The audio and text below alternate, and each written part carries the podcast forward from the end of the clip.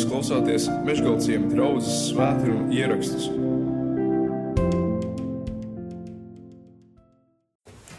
Nu, redziet, šeit mums ir tā līdzība par, par kāzām. Un kāzas jau ir tādi svētki, kurā, kurās satiekās nu, visdažādākie cilvēki.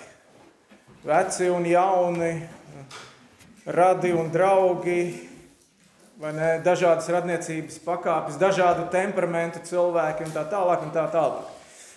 Šeit mēs redzam trīs dažādas, es tā nosacīt varētu teikt, trīs dažādas nu, cilvēku grupas, kuras šajās uh, kāzās ir ieradušās vai nav ieradušās.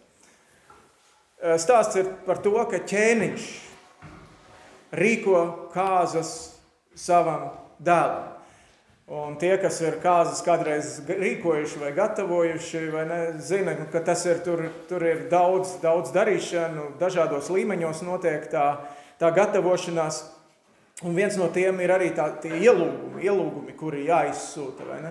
Un, uh, jūdiem kādreiz tā ieraša bija tādos divos līmeņos, uh, faktiski šie ielūgumi. Viens ir tas, ka tiek paziņots šiem cilvēkiem, kurus tu vēlētos redzēt šajās kāzās, tiek paziņots, ka tādas kāzas būs. Ja? Cilvēki jau zina, ne, un tad nāk pēc kāda laika, kad jau tas precīzais datums. Ja? Tātad, uh, divās pakāpēs šis ielūgums tiek būtībā vieniem tie pašiem cilvēkiem izsūtīts.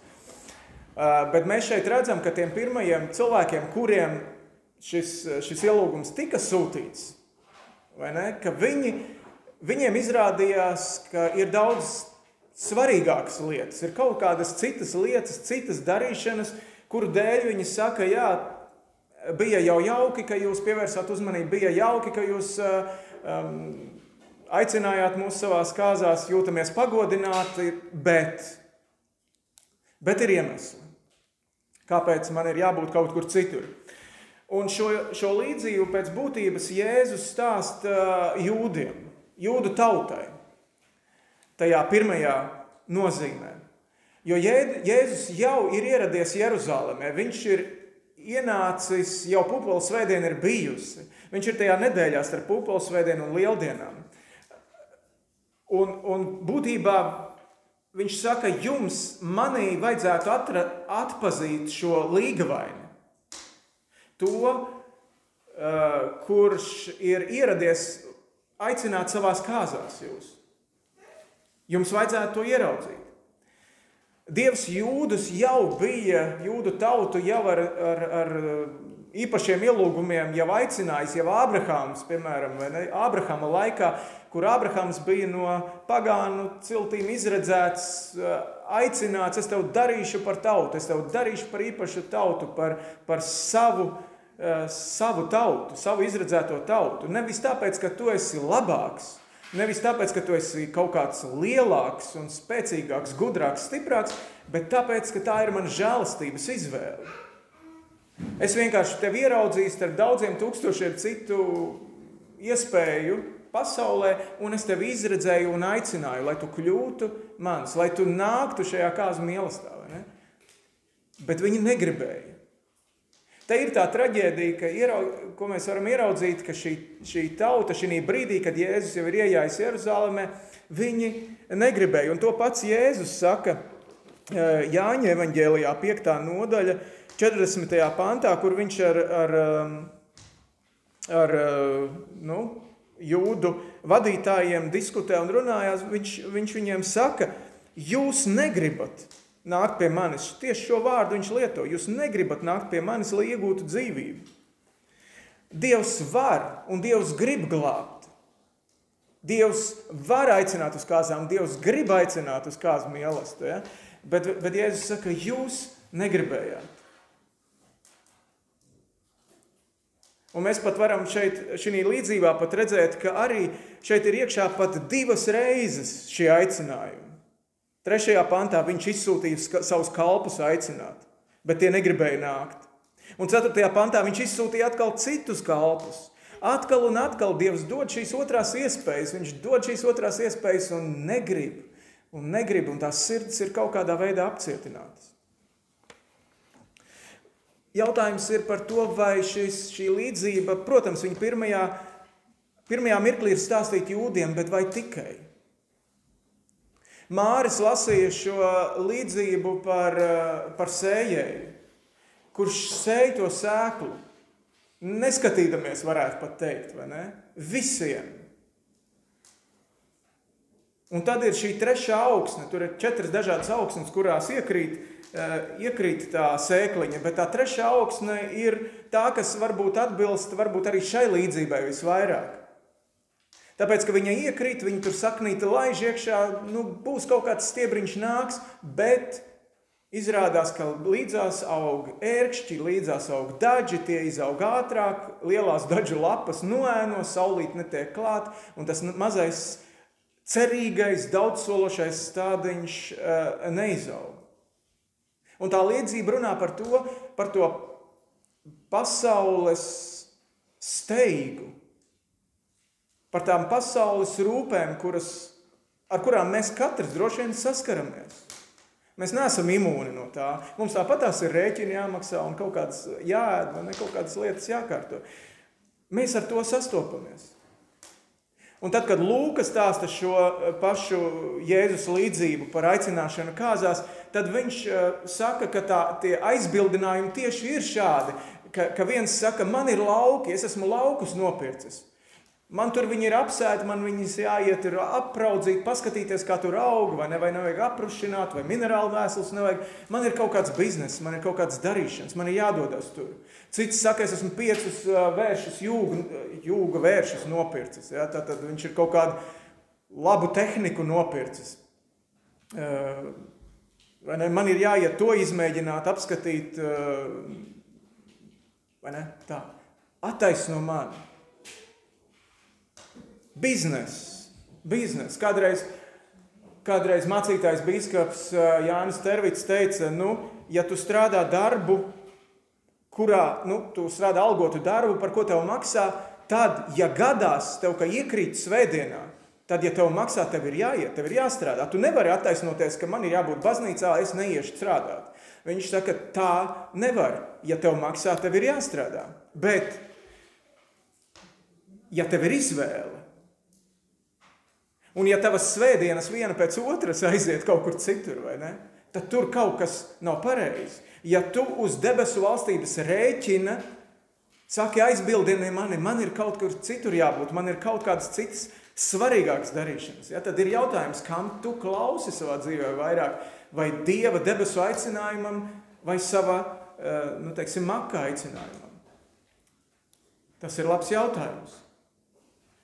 Trešais dod attaisnojumu, man ir sieva, man ir jauna sieva ap, apņemta, man ir, man ir jāpavada laiku ar viņu kopā. Un es zinu, ka tās ir, tās ir tādas nu, svarīgas lietas īstenībā. Un daži, es zinu, starp mums, protams, ir tādi, kuri, kuri ir varbūt vienīgie kristieši savā ģimenē. Un lai Dievs dod šo gudrību, kā tas ir, vai ne, nepazaudēt nepazaudēt šo debesu aicinājumu un tāpat laikā arī būt tajās attiecībās ar saviem nekristīgajiem ģimenes locekļiem. Tas nav tik vienkārši, lai Dievs jums dod gudrību. Bet tas arī nevar būt šī gadījumā attaisnojums. Ja? Tā kā pagājušajā reizē, kad mēs runājām šodien, kad tu viņa balsi dzirdi, neapcietini savu sirdi. Nepalaid garām to, ko Dievs tev ir sagatavojis nepalaid garām to, ko Dievs tev ir sagatavojis un uz ko Viņš tevi aicina. Otrā grupa ir šie neaicinātie, kuri vispār darīja savus darbus, un pēkšņi viņiem nāca kā pārsteigums, ka parādās pēkšņi vēstneši, ne, viņa tur lauka vai staļļa durvīs, ne, un, un saka, nāc uz kāzām. Nāc uz kāzām. Viņi nebija gatavojušies. Viņi pat nebija cerējuši uz kaut kādu šādu godu, ka pēkšņi viņi saņems paša karaļa ielūgumu. Un vēl vairāk, kad, kad Lūkas stāsta šo, viņš saka, tad, kad tas ķēniņš saka saviem vēstešiem, ejiet, meklējiet un spiediet nākt iekšā. Ja? Šos neaicinātos, šos, kuri necerēja, šos, kuri negaidīja šo ielūgumu, spiediet, lai viņi nāk iekšā. Ja? Tas arī ir interesants teiciens. Gan drīz vai tā vardarbīgi dzeniet viņus iekšā, lai mans nams būtu pilns. Viņi necerēja nokļūt pie šī bagātīgi klātā galda bez maksas par brīvu. Viņi necerēja saņemt dāvanā drēbes, jo tāds, tāda arī bija tā laika nu, paraša, nu, ka tas aicinātājs bija savā veidā Šī gadījumā es domāju, ļoti atbildīgs par to, jo viņi nāca no darba, no dažādām sēkmalēm, no grāvjiem izvilkti. Daži ne dažādi cilvēki, viņš viņiem deva drēbes, kurās viņi varētu ieterpties, lai ienāktu šajās kāzās. Ja? Tu dabū vienkārši kā dāvanu to. Pats karalis ienāk šajā telpā iekšā un paspiež tev roku. Tas ir kaut kas tāds, ko viņi no rīta pat necerēja, negaidīja, negatavojās bet pēcpusdienā viņi jau ir šajā kāzu telpā. Fantastiski! Tas ir kaut kas pilnīgi negaidīts, necerēts, neplānots. Kā to sauc? Tā ir žēlastība. Tā ir žēlastība. Tu saņem to, ko tu nebiji pelnījis. Tu saņem to, ko tu neesi pelnījis. Desmitais pāns saka, ka viņi izgāja, tie kalpi izgāja uz lielceļiem un atveda kādus vien atrastami. Ļaunus un labus. Mums liktos, jā, nu tos labos atlasīt vai ne un ievest iekšā, apģērbt viņus baltās drēbēs, nu viņi būtu tā kā pelnījuši, ja? Viņi jau ir tādi paši, bet arī ļaunus, visādus, žēlastību. Žēlastība atver durvis. Pilnīgi visiem. Un tajā pirmajā nozīmē, kad Jēzus stāsta jūdiem šo līdzību, Viņa prātā ir doma par pagāniem. Viņš viņiem norāda uz pagāniem. Bet es gribētu, lai mēs padomājam, ka tie nav tikai kaut kādi abstrakti pagāni. Tie esam mēs. Latvieši arī ir šīs, šī, šīs pagānu, eh, pagānu tautā, iek, iekļauti iekšā pagānu tautās. Es, katrs no jums ir tas, kurš saņem šo, šo ielūgumu. Katrs no mums ir tas, kurš saņem šo žēlastību, bez pelnītas, bez, bez tā, ka mēs būtu to nopelnījuši. Es, piemēram, domāju par savu dzīvi, ka es esmu vispār nācis pasaulē, uh, nu, ģimenē, kurai nebūtu bijis jābūt, ja viss būtu noticis pēc bauslības. Ja? Jo, man, jo, jo mana ģimene ir mana tēta otrā ģimene. Ja? Un tā ir žēlastība, ka es esmu vispār ienācis šajā pasaulē. Tā ir žēlastība, kad es skatos uz savu darbu, uz, uz, uz orķestri, kurā es sēžu un spēlēju starp nenormāli talantīgiem cilvēkiem. Un kad es skatos uz sevi, es neesmu ne uz pusi tik spējīgs un tik apdāvināts kā, kā daudzi no viņiem. Un tomēr es varu būt Dievam pateicīgs par to žēlastību, ka es varu strādāt šajā darbā un, un, un darīt to, kas man patīk. Un tā ir žēlastība.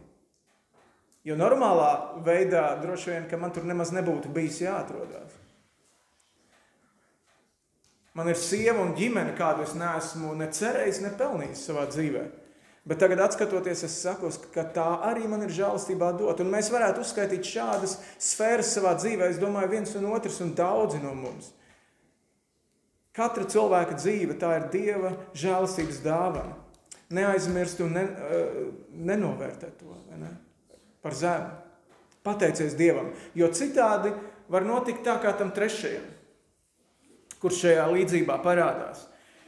Šis trešais, es gribētu teikt, varētu, nu, viņš ir tāds, tā tāds stūrgalvīgais, es tā viņu iztēlojos, vai, vai, vai ļoti paštaisns cilvēks. Ja? 11. pāns ķēniņš iegāja viesus aplūkot un ieraudzīt tur vienu cilvēku, kas nebija ķērbies kāzu drēbēs. Viņš tāpat tās žēlastības dēļ bija tur iekšā. Tās durvis bija atvērušās, un viņš tur bija tajās kāzās ticis iekšā. Ne savu nopelnu dēļ, žēlastības dēļ. Un tomēr viņš gribēja tur atrasties iekšā pēc kaut kādiem saviem noteikumiem. Viņš gribēja atrasties tur pie galda, Pie bagātīgi klātā galda, kur viss ir, kur tu vari ņemt par brīvi, brīvu, nemaksāt, ēst, priecāties, dziedāt, dejot. Viņš gribēja tur atrasties, viņš gribēja būt tajās kāzās, un tomēr viņš gribēja atrasties savās drēbēs. Visiem tiem simtiem, vai es nezinu, cik tur tie kalpi savāca tos eh, cilvēkus no žogmalēm un sētmalēm, visiem bija negaidīti jāmaina plāni. Viņiem visiem bija jāatsakās no tā, ko viņi bija tajā dienā ieplānojuši, un jādodas uz kāzām. Viņiem visiem bija iedotas drēbes, viņiem visiem bija jāpārģērbjas. Bet šis trešais to kaut kādu vienu daļu no tā piedāvājuma gribēja saņemt. Viņš priecājās, ka viņš tur bija bet kaut kādu daļu viņš gribēja paturēt no tā, kas jau bija. Varbūt viņa domās bija tas eh, kaut kāds tād, tādas domas, ka nu, tas jau nebūs uz ilgu laiku, nu, drīz jau man būs tāpat tās viesības beigsies, būs jāiet atpakaļ, būs jāiet strādāt, nav vērts pārģērties. Vai arī galu galā Dievs jau ir labs un Dievs jau mūs visus glābs, Dievs jau mūs visus mīlēs, lai nu kāds es tur esmu, tāds atnāk. Vai, ja? Pagājušajā gada rudenī Rīgā notika viens smalks modes šovs. Un, uh, uz to bija ieradies arī uh, cienījamais komponists Juris Kulakovs. Varbūt jūs lasījāt arī tādu ziņu, bet um, es viņu te nocitēšu. Kā tas atspoguļojas eh, neatkarīgajā rīta avīzē. Dodoties uz pasākumu, Kulakovs bija saposies savā stilā. Nevis klasiskā, bet gan sportiska stila velveta žaketē ar kapuci. Uz pasākuma biļetes, ko Kulakovs iegādājās, gan bija minēts dreskots. Dreskots tas ir kā jāģērbjas šajā pasākumā. Tas bija atzīmēts. Black tie optional tā, tāds, tāda, nu, tāds uzraksts, kas nozīmē, ka kungiem smokings nav obligāts, bet pieļaujams tumšs uzvalks, krekls un kaklasaita. Tā kā šo noteikumu komponists nebija ievērojis, pasākuma organizatori neielaida viņu iekšā. Tā nu Kulakovam nekas cits neatlika, kā doties prom. Es pieļauju, ka cienījamais komponists bija izlasījis šo vārdu optional, kas nozīmē nu, izvēles iespējas. Bet tā izvēles iespēja pastāvēja. Tu vari neuzvilkt smokingu ar taurenīti, tu vari uzvilkt melnu uzvalku ar kreklu un šlipsi. Tā bija tā izvēle, kas bija dot šiem smalkā modes šova apmeklētājiem. Viņš izlasīja optional, nu, var likt kaklasēt, var nelikt, un viņš aizgāja pēc saviem noteikumiem. Un viņš var būt cienījams, cik gribēdams, viņš var būt ģēnijs, cik gribēdams, un viņš tāds arī ir. Ticiet man. Bet pasākuma organizatori teica, jūs neatbilstat tam, kas tajā biļetē bija rakstīts. Un viņam bija jādodas mājās. Redziet, pret dieva noteikumiem nekādi mūsu attaisnojoši iemesli nederēs. Divas trešdaļas no šiem uz kāzām aicinātajiem uh, viesiem nu, ņēma sliktas beigas. Zaudētāji bija tie pirmie, kuri būtībā visu savu kontroli pār savu dzīvi gribēja paturēt paši. Paldies par godu cieņu, paldies par aicinājumu, bet man ir savas lietas. Viņi palika zaudētāji. Zaudētājs palika arī šis trešais, kurš gribēja gan vienu, gan otru, kurš gribēja nosēdēt uz abiem krēsliem. Bet ieguvēji bija tie, kuri atstāja visu, kuri mainīja visus savus plānus tajā kāzu dienā. Ieguvēji bija tie, kuri pieņēma žēlastību, kādu šis ķēniņš viņiem pasniedza un uz kādu viņa, viņus aicināja.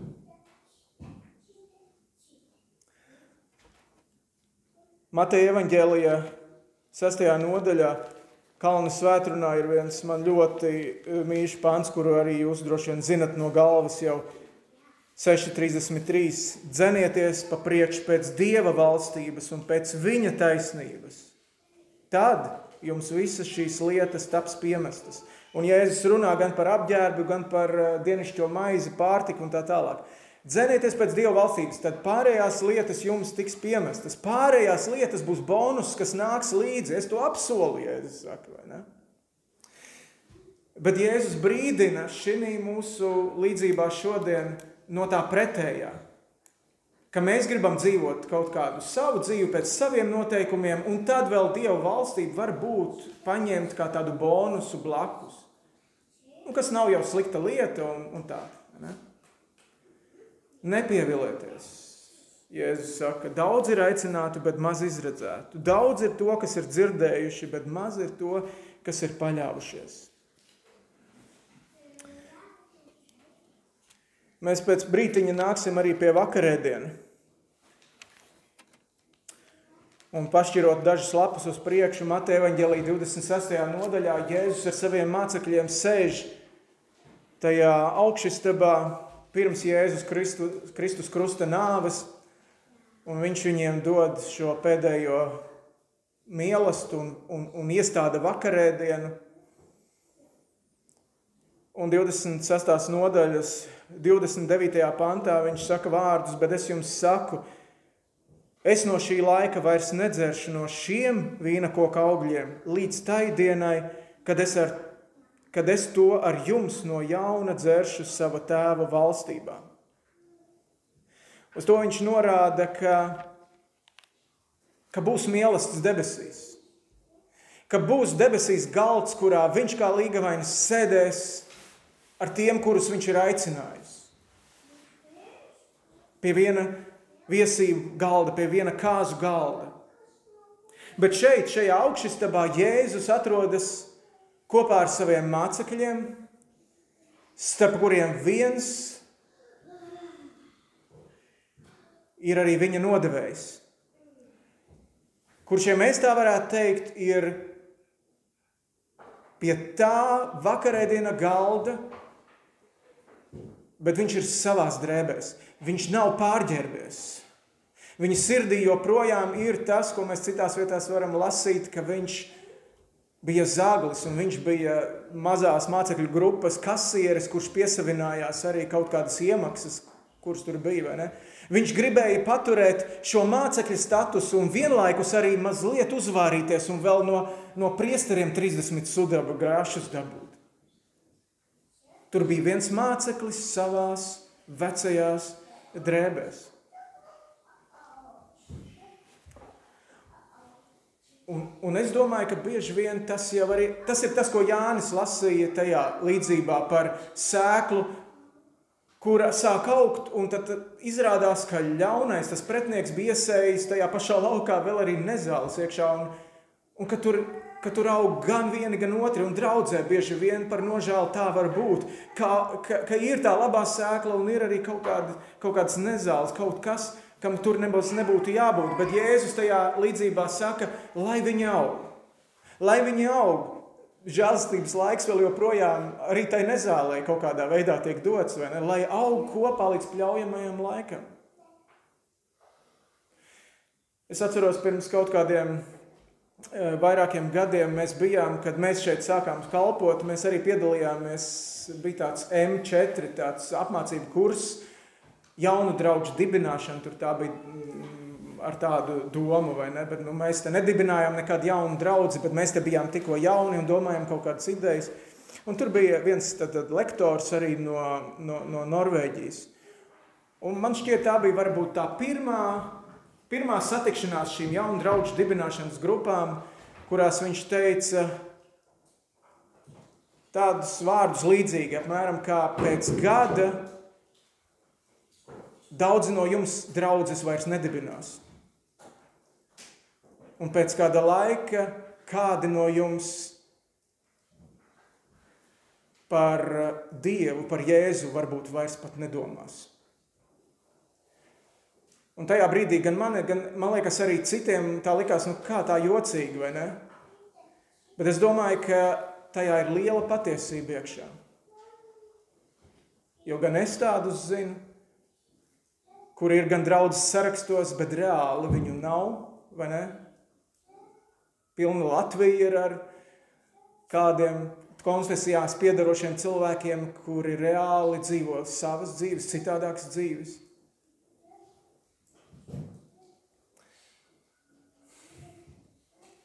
Redziet, dievkalpojuma mērķis ir vairot ticību, mudināt uz mīlestību un sniegt cerību salauztām dvēselēm. Un es vēlētos kaut, eh, kaut katrs no mums šajā dienā to piedzīvot.